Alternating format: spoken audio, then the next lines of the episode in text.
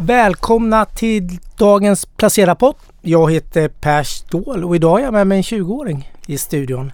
Det är Erik Brännström som förvaltar Spiltan Aktiefond Stabil. Välkommen hit! Tack så mycket, tack så mycket. Hur känns det? Skönt att vara 20 igen. Ja, visst är det. Jag förstår det.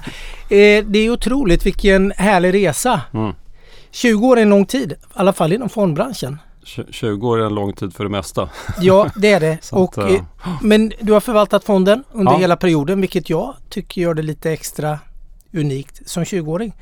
Jag, jag tänkte vi ska prata om resan fram till idag som ni har gjort då och eh, höra lite hur det var att sitta där hösten 2002 innan ni startade den här fonden och lite hur hamnade du på Spiltan? Precis. Nej, men det, det, är, vi har, vi har inte hela dagen på så vi, vi får hålla, ta den korta versionen. Men, men eh, startpunkten var egentligen att, att eh, 2002 då, vi körde igång fonden 2 december 2002 och eh, på vägen dit då så har jag jobbat med förvaltning Uh, eller snarare, jag har inte jobbat med förvaltning men jag jobbar med allt annat än förvaltning ska jag säga. Jag har jobbat på, som analytiker, mäklare, med, med corporate finance och, och som strateg. Uh, så egentligen det enda jag inte har gjort var faktiskt att förvalta pengar. Uh, så sprang jag på Per-Håkan Börjesson eh, på Investment AB Spiltan. Egentligen runt 2000. Det var ju ganska deppiga tider där med tvillingtornen och alltihopa med, och så. Så, så att jag letade efter lite nya utmaningar för, för att se vad man kunde göra och sprang vi på Per-Håkan och han hade en bra idé om att starta ett fondbolag.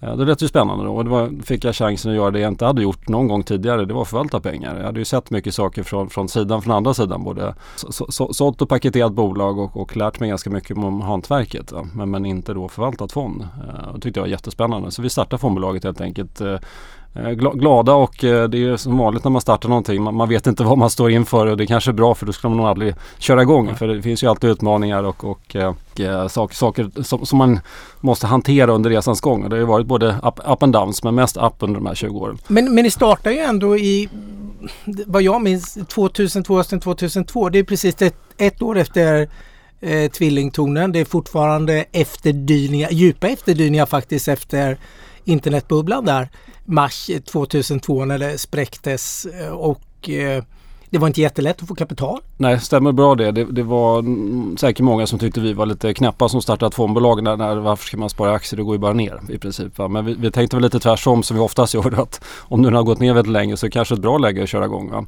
Eh, och, så. och sen ska man komma ihåg också för, för drygt 20 år sedan så då kapitalet var ju samlat eh, väldigt koncentrerat till, till storbanksvärlden. Och det fanns ju, Dino Gerge hade funnits men det var i princip det som fanns utanför eh, more or less. Och, och vi kände väl att det fanns utrymme för, för ett fondbolag till som verkligen försökte slå index vilket var startpunkten och det som vi började med helt enkelt. Va? Så, så att eh, vi, vi började glada eh, 2 december 2002. Vi hade eh, vi brukar säga att vi hade 10 miljoner kronor och 10 kunder och det är till och med sant.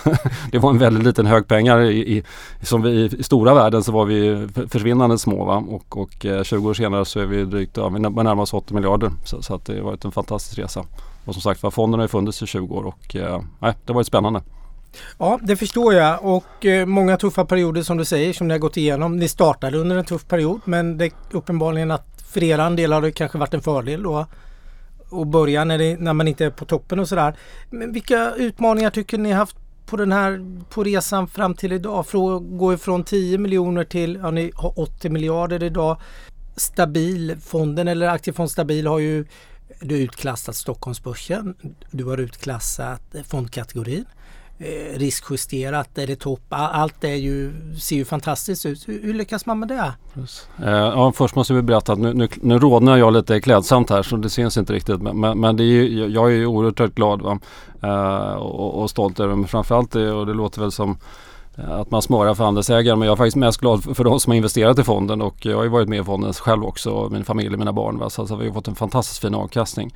Uh, utgångspunkten när, när vi startade fond, fondbolaget var ju att ha ett alternativ då till, till, till liksom etablerade strukturer. Men, men själva fonden då, där, där hade jag möjlighet att och sätta ramen, ribban för vad fonden skulle göra och, och, det var utifrån den samlade erfarenheten under alla år då man hade suttit och eh, pratat aktier och pratat investeringar, pratat allokering. Eh, så, så, att jag hade som målbild att den här fonden skulle ge mig då eh, som sparare. Jag startade en fond jag själv ville ha som jag saknade helt enkelt. Uh, och hoppades att folk skulle, sparare skulle tycka att den var bra helt enkelt. Uh, och, och det, var, det har varit en resa. Uh, fondens målsättning har ju varit att skapa en stabil och positiv avkastning över tid. Va?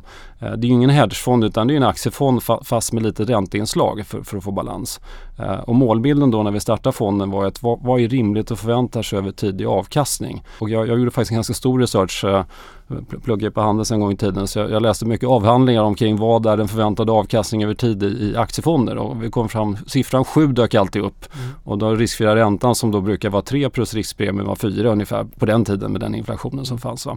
Och då satte jag upp målbilden för fonden att ja men 7 borde jag kunna slå över tid då. Det måste ju ändå vara målet, det är snittavkastningen och, och förhållande lite lägre risk. Va? Uh, och, och, då funderar jag på hur ska vi göra det här? Ja, då får vi bygga en portfölj utav uh, tre delar tänkte jag att vi måste ha riktigt bra bolag i botten, det som vi kallar för Spiltans kvalitetsbolag som vi kan berätta mer om sen. Mm. Men bra bolag som, som, som, verkligen behövs och har en stark marknadsposition och, och prismakt och, och strukturell tillväxt. Eh, och sen investmentbolag då 35% som vi har idag, 50 på den första kategorin, 35 på den andra.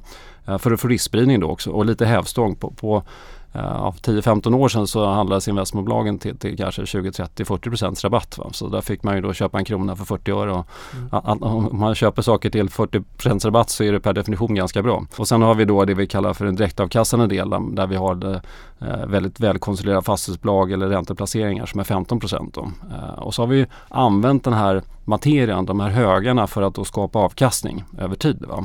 Eh, genom att vara väldigt disciplinerade i investeringsprocessen, eh, urval av bolag och men även i metoden då när vi har då eh, balanserat fonden hela tiden. Så, så att det, det, är ett evigt pågående arbete fr från dag ett egentligen att hålla balansen i portföljen så, så, att man inte drar iväg att en del, eller ett aktie eller ett innehav eller en, en av de här tre delarna fonden ökar i vikt för mycket. Va? Uh, och då använder vi marknads man, man, säger att marknaden är perfekt men jag skulle nog säga att marknaden är alltid imperfekt egentligen. Priset är, finns ju en sån här gammal, uh, många pratar ju om Warren Buffett men Benjamin Graham som var som Buffetts uh, läromästare egentligen, han, han har, hade den här sägningen att in the short run the market is a voting machine, in the long run it is a weighing machine. Och mm. vad han menar med det är ju att på kort sikt så är priset, det är ju bara liksom röstning, liksom, vad ska vi rösta om med priset idag? Men över tid så vinner ju vikten, det vill säga vad har bolaget för värde? Och då kommer man tillbaks till det här gamla med pris och värde. Att, att priset är ju det som man ser varje dag men värdet är ju det som bolaget skapar över tid. Uh, och så vi använder ju då marknadens uh, röstningsförfarande varje dag till vår fördel. Eh, uh, är priset högt och vi, vi har ett stort innehav så kan vi minska lite grann och åt andra hållet gillar vi bolaget och priset går ner då köper lite grann. Så, så, att vi försöker väl göra det så enkelt som möjligt i och med att det är så otroligt komplext. Det var lång, lång svar på kort fråga. Ja, nej, men det är jätteintressant. Jag vill ju veta lite mer då det här Spiltanbolaget eller de hur hur hittar ni dem? Vad ska de ha för egenskaper för Exakt. att ni ska känna att ja, men det här kvalificerar sig för, för fonden? Precis, Nej, och, det, och det är en jättebra fråga och det, där, det är ju där vi lägger mest tid egentligen och funderar kring vilka bolag vi har. Vi är ju galet bolagsfokuserade helt enkelt. Va? Så vi har, vi har egentligen arbetat in i samma metodik sedan, sedan, sedan 2002 men, men på senare år, kanske sista tre, fyra åren så har vi förtydligat vad vi gör för, för att det är många som undrar hur gör ni? Och vi har sagt jo men vi köper bra bolag och då får vi fråga men vad är ett bra bolag? Ja det är sådana vi har i portföljen va? och så, så blir det lite rundgångsresonemang. Så vi har försökt lyfta upp det där hur, hur vi resonerar. Va? Uh, och, och vi, vi, har en, en, en femstegsmodell uh, övergripande där vi då först rensar, uh, om vi har en hög bolag så rensar mm. vi bort de som då inte är hållbara utav de traditionella kriterierna. För att endast start 2002 sagt att ett, ett icke hållbart bolag är ju inte en bra investering. Så, så, så, att det hänger ihop, va? så det är ganska enkelt. Va? sen i steg två då i modellen så, så rensar vi bort det som vi kallar för lottsedlar. Sånt där man inte kan ha någon rimlig chans att förutsäga hur bolag kommer att utvecklas. Uh, och då pratar vi... Är det binärt eller är det binära bolag? Ja, i princip. 0 eller 1? Exakt, 0-1 bolag. Jag brukar prata om så supply demand eller, eller, eller vinna försvinna bolag. Och, och, viktigt är här att säga att det är inget fel att investera i de här bolagen. Jag har liksom ingen åsikt om det. Det, det är jättebra om man då ska kanske dubbla pengarna eller femdubbla pengarna på kort sikt och är beredd att ta den risken. Men, men jag vill inte ha den risken, den profilen i en portfölj. Jag, jag brukar tänka så här att om, om man har ett bolag som dagen innan rapport så går man och lägger sig på kvällen så, så ligger man i sängen och funderar på undrar vad de kommer skicka för siffror. Eh, hoppas att det går bra. Eh, har jag den känslan då är det absolut fel bolag i min portfölj. Eh, jag, jag, vill gå och lägga mig på kvällen och säga vad skönt imorgon kommer till exempel Nibe eller Beijer F eller Assa Abloy med, med sin rapport. Vad bra, då ska vi se hur bra det gick den här gången. Inte att oj har de sålt något eller har de förlorat något eller hittar de olja eller guld eller gick, fick eh, de approval från FDA för, för, för, för, för sin nya tekniken och sådär. Så, så att undvika allt sånt som är spekulativt tycker jag i så mått att man inte kan ha en rimlig förväntansbild på vad de kommer leverera över tid. Va? Och, de har rensat bort ganska mycket bolag och, och i min värld ser man ganska mycket, man får ner axlarna på ett ganska skönt sätt som förvaltare mm. i den portföljen. För man behöver inte omkring vara orolig för exogena, händ eller exogena händelser, sånt som man inte kan påverka. Men hur många bolag eh, har ni kommit ner till när det rensar bort ja, eh, allt det här? Jag, jag, är ju ganska krass i min bedömning. Ja. Så, så, att eh, man kanske har ett hundratal bolag kvar. 60-70 som man verkligen gillar så okay. har man mm har man kanske 20-30 som, som ligger på vänt lite grann. Hur många ska in i fonden i den här 50 procents delen då? Ja, alltså? då, då, pratar vi kanske 20 av de 60 ungefär. Mm. Liksom. Så, så, så, att det är ett ganska begränsat univers. Va? Och sen kompletterar vi ju med, med eh, investmentbolagen så då får man ju riskspridning indirekt i och med att de äger mycket andra bolag. Va? Hur många eh, investmentbolag kan ni plocka in på den här jag, kan, jag, kanske, jag brukar ha ungefär 5-6 investmentbolag. Sen, sen, sen, så kanske jag tänker lite annorlunda i ett annat aspekt att, att uh, till exempel ett bolag som AstraZeneca som jag haft portföljen ganska länge. Det ser jag som ett uh, läkemedelskonglomerat. Så, så, så mm. i mina ögon är inte det per definition ett läkemedelsbolag som gör en sak utan det är ju en portfölj mm. av massor med olika behandlingar, uh, kunskaper och mediciner och allting som för mig ger exponering mot en intressant bransch. Och, och, i mina ögon är det ett investmentbolag. Mm. Även fast det per definition är ett bolag som, som inom läkemedelsindustrin så ser jag det som ett läkemedelskonglomerat. Så det ingår liksom i min hög av investmentbolag. Och sen är det de andra usual suspects får jag väl säga. Ja. Industrivärden, Investor. Ja, precis, Industrivärden för att få börsen fånga upp det som jag då primärt kanske inte köper. De här lite mer sencykliska bolagen som, som är relativt mm. stabila men kanske inte har så mycket tillväxt. Så får jag några procentenheter där. Investor för att få då lite onoterat och en, en bra performance i sin övriga portfölj. Och sen har jag haft Latour ända sedan, sedan start också. Jag tycker att det är ett fint sätt att få uh, exponering mot, mot fin verkstad och, och en väldigt skicklig management och ledning i det bolaget som kan driva bolaget framåt. Ja. Latour måste vara den, största bidragsgivaren, i alla fall en av de som I, har gått bäst i invest, investmentdelen, absolut. Ja. ja. precis. Nej, den, den har blivit väldigt bra. Uh, det som är bästa bolaget, jag kollar faktiskt upp för, för att fundera på vilket, om jag haft något bolag sedan start start. Mm. Och, och, ett bolag som jag faktiskt haft sedan 2 december 2002 och fortfarande har i portföljen är ju Nybe. Uh, och, och, jag kollade upp, jag tror det var var det 16 eh, 000 procent hade den gått upp sen, sen 2 december till det här i veckan någonting. Va? Uh, så, så det, det, är ju, det är ju makalös utveckling. Va? Och det är lite intressant att du ja. Nämner Nibe just nu. För jag tänker igår var det lite spekulationer. Swedish Match ska lämna ja. det prestigefyllda OMX30-indexet. Alltså de 30 största mest likvida bolagen på Stockholmsbörsen. Och folk pratar om att det är Nibe som ska ta den platsen. Precis eh, vilken resa för det här lilla Markarydbolaget. Det får det, man väl se som ni har lyckats fånga upp också nu då som har gått ifrån ett litet small cap då till Precis, Nej, det, det är fantastiskt roligt va? och, och eh, man vill ju krama Gert-Erik var, varje dag man eh, får en chans att prata med honom och träffa honom. Eh, fant, fantastisk bolagsbyggare. Eh, och, och för att komma in lite grann på vad ett Spiltan-bolag ja. är då så, så, så, det här bolaget 2002 när vi, när vi tittade på det, då, det var ju ganska litet och det var ett bra bolag och vi pratade med massor med folk på marknaden och alla sa att ja, Jättefint bolag men, men alldeles för högt värderat. Eh, så, så det, det, vänta lite grann tills det går ner så kan du nog köpa det. Och så tänkte jag men alla sa ju att det var bra. men man skulle mm. inte köpa det och då blir i min enkla värld tänker jag så här, men är det bra så kanske man ska ha en liten del utav det i varje mm. fall. Va? Uh, och då gick vi in med, med en, en par procentenheter i fonden. Och, och, det som absolut lockade det här bolaget det var ju det att att, och det här är också lite självupplevt den här liksom basanalysen. Jag hade vi hade precis köpt, köpt ett hus och så hade vi en, en, en värmekälla i huset som bestod av en kopparkittel och eh, diesel som då brann öppet mm. låga på kopparkitteln mm. uh, och så åkte det rakt ut i skorstenen och så stod jag och tittade på det och tänkte att det här, det här är ungefär som stenåldern. Uh, bara att man hade ved då för elda upp den här kopparkitteln som, som skapar värme. Jag tänkte att det här är inte riktigt framtiden. Uh, och, så. och sen konstaterade vi då ett, det här miljövänligt. Eh, oljan kostar hur mycket som helst. Mm. Eh, staten subventionerar att man ska då byta till en annan uppvärmning eh, och man kommer spara pengar. Initialen kostnad men sen kommer man vara, vara vinnare på, på att driva det här. Då. Och när man har de här, då vad vi brukar prata om så strukturella faktorer mm. som driver efterfrågan. Att, att bolaget behöver själv inte skapa sin marknad. Mm. Uh, vi pratade om 00 förut uh, med Birgersson och allt det här.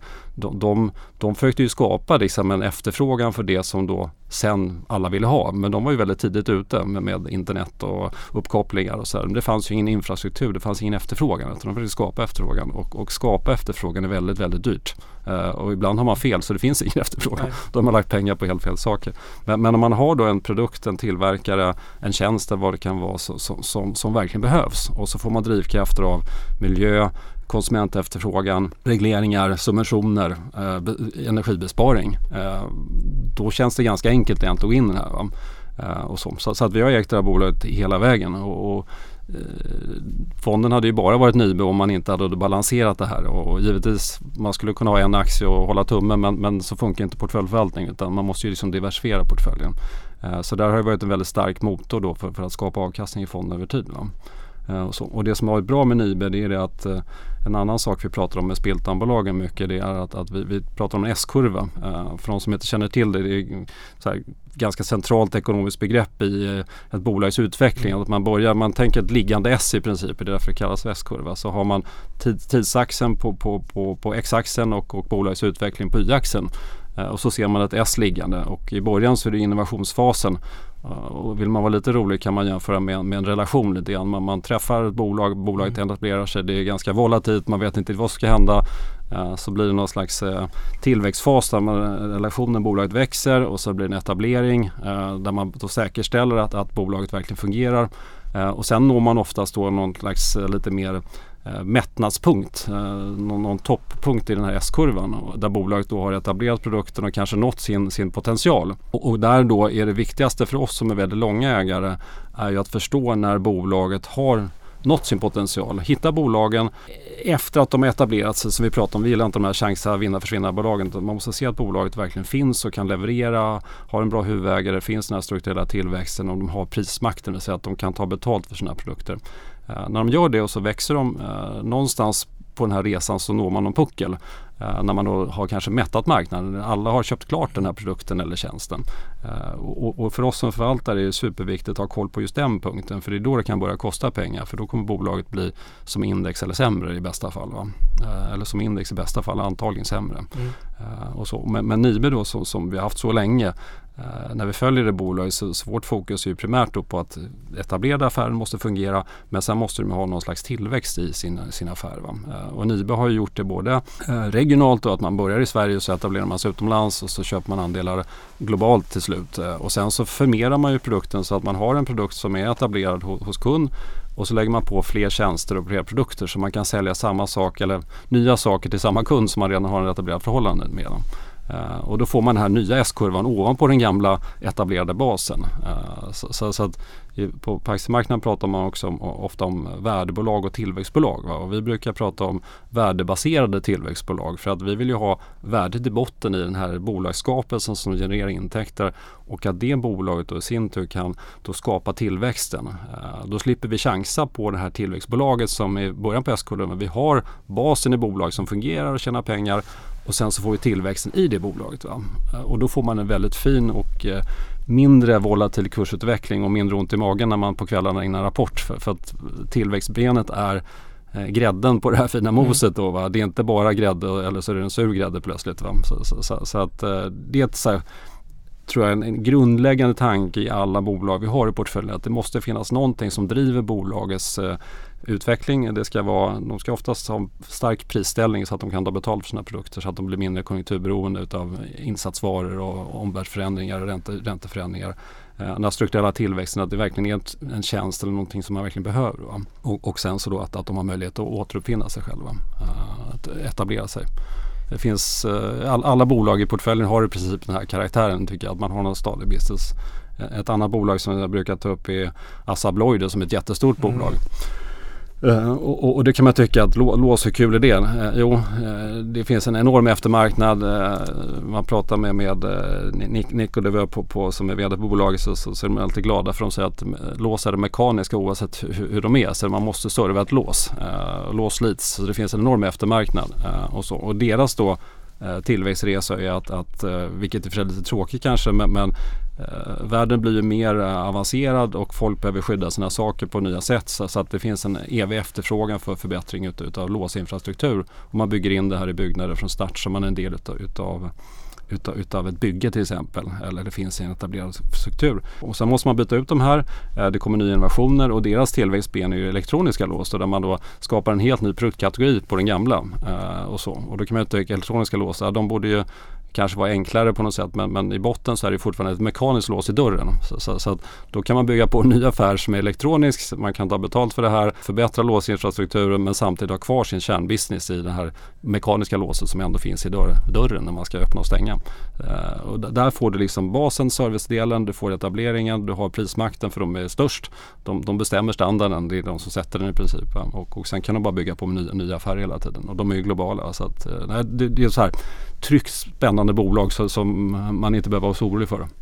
Hur mycket, nu förstår jag lite hur du letar ja, bolag ja. och du hittar och du är extremt långsiktig. Ja. Det ser vi i Nibe-fallet. Vad gör du, hur säljer du bolag mm. och hur tänker du kring värdering? Jag tänker Nibe, jag, mm. jag får från någon av de här stora investmentbankerna brukar köra upp det här är Europas tio dyraste bolag. Och det är alltid franska Hermes, lyxvaror som gör de här dyra handväskorna. Och sen brukar det alltid vara Nibe där. De, de är jag vet inte hur många år jag har sett dem på listan. Det är alltid P mellan 40 och 60 liksom på de där bolagen. Eh, blir du sömnlös av det? Du är inte sömnlös inför rapporten som Nej. kommer för någon vecka sedan Nej. som var bra. Ja. Men gör den här värderingen när du ser att den det skruvas upp. Jag, jag, ska, jag ska ljuga om att säga att jag inte tycker det är jobbigt. Uh, för, för det, det, är jobbigt med, med högt värderade bolag. Uh, men är de högt värderade ut, utav då, ska jag säga, sunda anledningar då, då, då, då, är det enklare att leva med det. Men, men som vi jobbar med portföljen, vi, vi har ju då bolagsutvalen i, i den stora delen. Men sen har vi metoden hur vi förvaltar fonden, liksom metodiken kring förvaltningen. Uh, och, och, och, där, min erfarenhet då är att, att, man ska försöka vara så rationell och undvika känslor så absolut mycket som möjligt. För känslor tenderar att bli, ja, känslor per definition är irrationella för det är känslor. Eh, och, och, i förvaltning ska man vara väldigt rationell. Eh, och så. Därför har jag i portföljen då de här 50, 35, 15 som är liksom de storheterna med olika högarna. Men inne i de här delarna så har jag också då målvikter på, på respektive bolag och ett stort bolag för mig då ligger någonstans mellan 4 och 6 procent. Och det har vi hela fondens, hela, hela fondens, ja, hela fondens vikt. Mm. Så, så, att Nibe pendlar mellan 4 och 6 procent i princip. Va? Så att när marknaden då blir eh, toklycklig över Nibes utveckling så, så mina då 4,5 kanske går upp till 6. Då säljer jag ner det där kanske till 5 någonting. Då tar jag hem lite vinst på toppen och så köper något annat av de här bolagen som då för stunden då någon annan tycker säger att det här är alldeles fel och det ska man inte äga. Eh, har jag rätt över tid så köper jag de här bolagen billigt och så säljer jag av lite grann när marknaden blir för euforisk. Så då får jag liksom en, en, en churn, en rotation i portföljen utan att behöva då köpa eller sälja hela bolaget. Eh, givet att jag tror på Nibes utveckling så om, om kursen går ner väldigt kraftigt så, så är det egentligen en köpsignal till mig att marknaden har, säger att de kommer inte finnas, det kommer inte funka, det är fel. Va? Eh, så länge jag tror att, att ha en uppfattning om att bolaget verkligen gör det de ska göra och, och har förutsättningarna kvar framför sig så ska man ju ligga kvar i bolaget. Va? Och då kan man ju passa på att använda det här. Då är vi tillbaka i Benjamin-grejen med pris och värde. Att när inte priset går ner och värdet finns kvar då, då, är, det, då är det egentligen rea på, på aktien. Va? Sen, sen är det alltid jobbigt när det går ner va? Men, men, man måste nog lyfta sig förbi det och se långsiktigt vad, vad kan det här ge för avkastning i fonden. Va? Och, så har jag jobbat sen start egentligen. Va? Och, och det är väl erfarenhetsmässigt att, att eh, man lär känna sig själv under årens lopp. Innan jag började med det här höll jag på med mäkleri och, och, och, och analys och sådär. Och, och jag, jag, var nog ganska bra att prata med kund men jag, jag var usel på att handla aktier för jag blir bara nervös när kurserna åker upp och ner. Va? Så, så, så det, det, har jag tagit med mig i förvaltningen. Att jag fokuserar på att hitta de bra bolagen och sen har jag en väldigt eh, rationell metod att, att förvalta fonden för att undvika att, att bli emotionell kring förvaltningen. Hur har du hanterat i år? För i år har ju varit, jag menar om vi backar ett år så fick vi det här tomterallet som eh, där även Nibe hängde med i tomterallet. Yes. Eh, som varade bara någon dag in på nya året för att sen eh, svängde det ner ganska kraftigt. Hur har du hanterat eh, 2000, vad blir det, 2022? Precis, exakt. Nej, jag, liksom, I fonden, hur har du tänkt? Du har samlat på dig mycket erfarenhet nu och det ja. förstår jag. Du har varit med 2008, ja. 2014, ja. det går att räkna upp. Eh, eurokrisen. Precis. Det, det, är många kriser och de kommer och går och det vet vi. Och sen fick vi en ny kris nu igen med ja. hyperinflation ja. mer eller mindre ja. och en kraftig ränteuppgång. Hur, Hur har, du, hur har det påverkat i år? Har du gjort mycket i fonden i år? Eh, jag, jag, jag är ju fortsatt väldigt långsiktig och tycker att jag har en bra grupp bolag som, som, som då skapar vettig avkastning över tid. Va? Det, det jag försökt göra det är att isolera då bolagen och fonden från de här händelserna som, som bolagen inte kan påverka. Så att eh, fonden är då relativt sett eh, lite räntekänslig eller så här, så här, mm, superkonjunkturkänslig. Liksom, så att, att det påverkar utan det är mer liksom de här grundläggande drivkrafterna att det finns efterfrågan även i svaga marknader.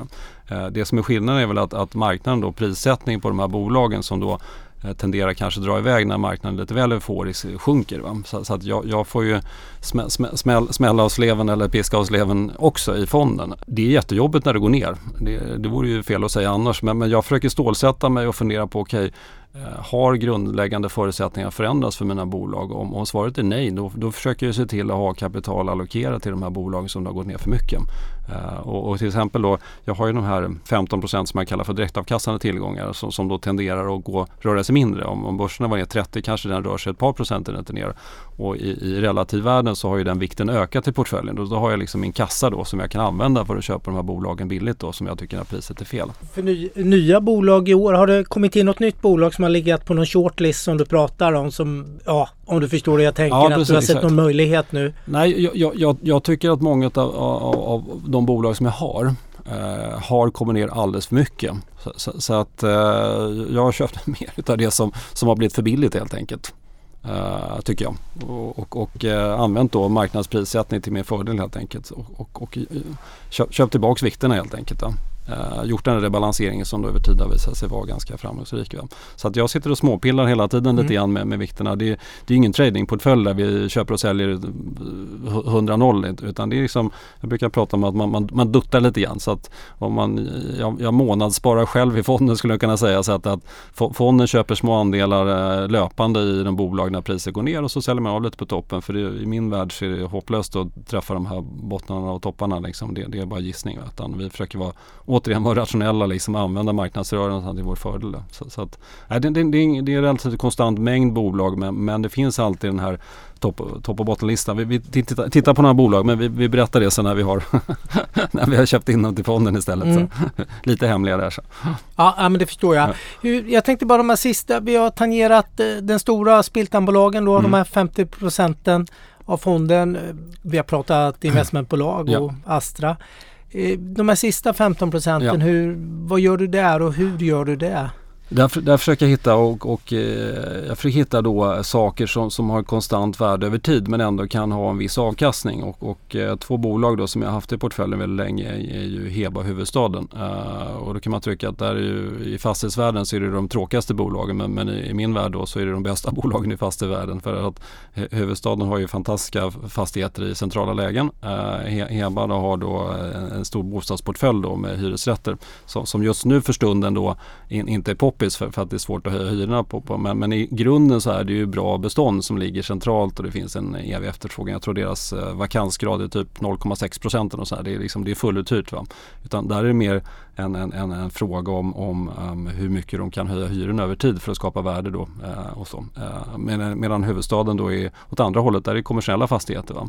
Så, så att de två ihop blir en ganska bra balans va? för att de, de är lite kontracykliska. När, när huvudstaden går, går bra så går Heba lite mindre bra och åt andra hållet när huvudstaden går dåligt som det var under pandemin då gick Heba jättebra. Va? Så, så att jag tror jag har hittat en bra balans mellan de två bolagen för att skapa då en, en, en eh, exponering som är så nära fastigheter som möjligt. För jag ser det som en, en, en obligation egentligen fastigheten. Mm. Att, att det är andra sidan på räntan. Att jag får någon värdeökning men då vill jag ha fastighetsbolag som har bra kvalitet på sina bestånd och är relativt lågt belånade. Så, så, så, att det är inte primärt räntan som slår igenom i fastighetsvärdens utveckling eller aktiernas utveckling, kursen utvecklingen utan det är mer värdetillgång, tillgångsvärde som speglas i, i aktien då som är priset på som jag äger då i, i fonderna. Så, så att, eh, kanske lite krångligt sätt att förklara men jag, vill komma så nära fastigheten som mm. möjligt i, mm. i fonden. Ja, jag förstår. Uh, och, så, och, och det ger mig då, nu har de här rört sig lite mer än vad jag hade hoppats och tänkt. Uh, historiskt har de nog varit lite tryggare men eh, så det skapar lite utrymme då för, för att eh, växla ner den i, i positionen då mot, eh, mot andra aktier. Va?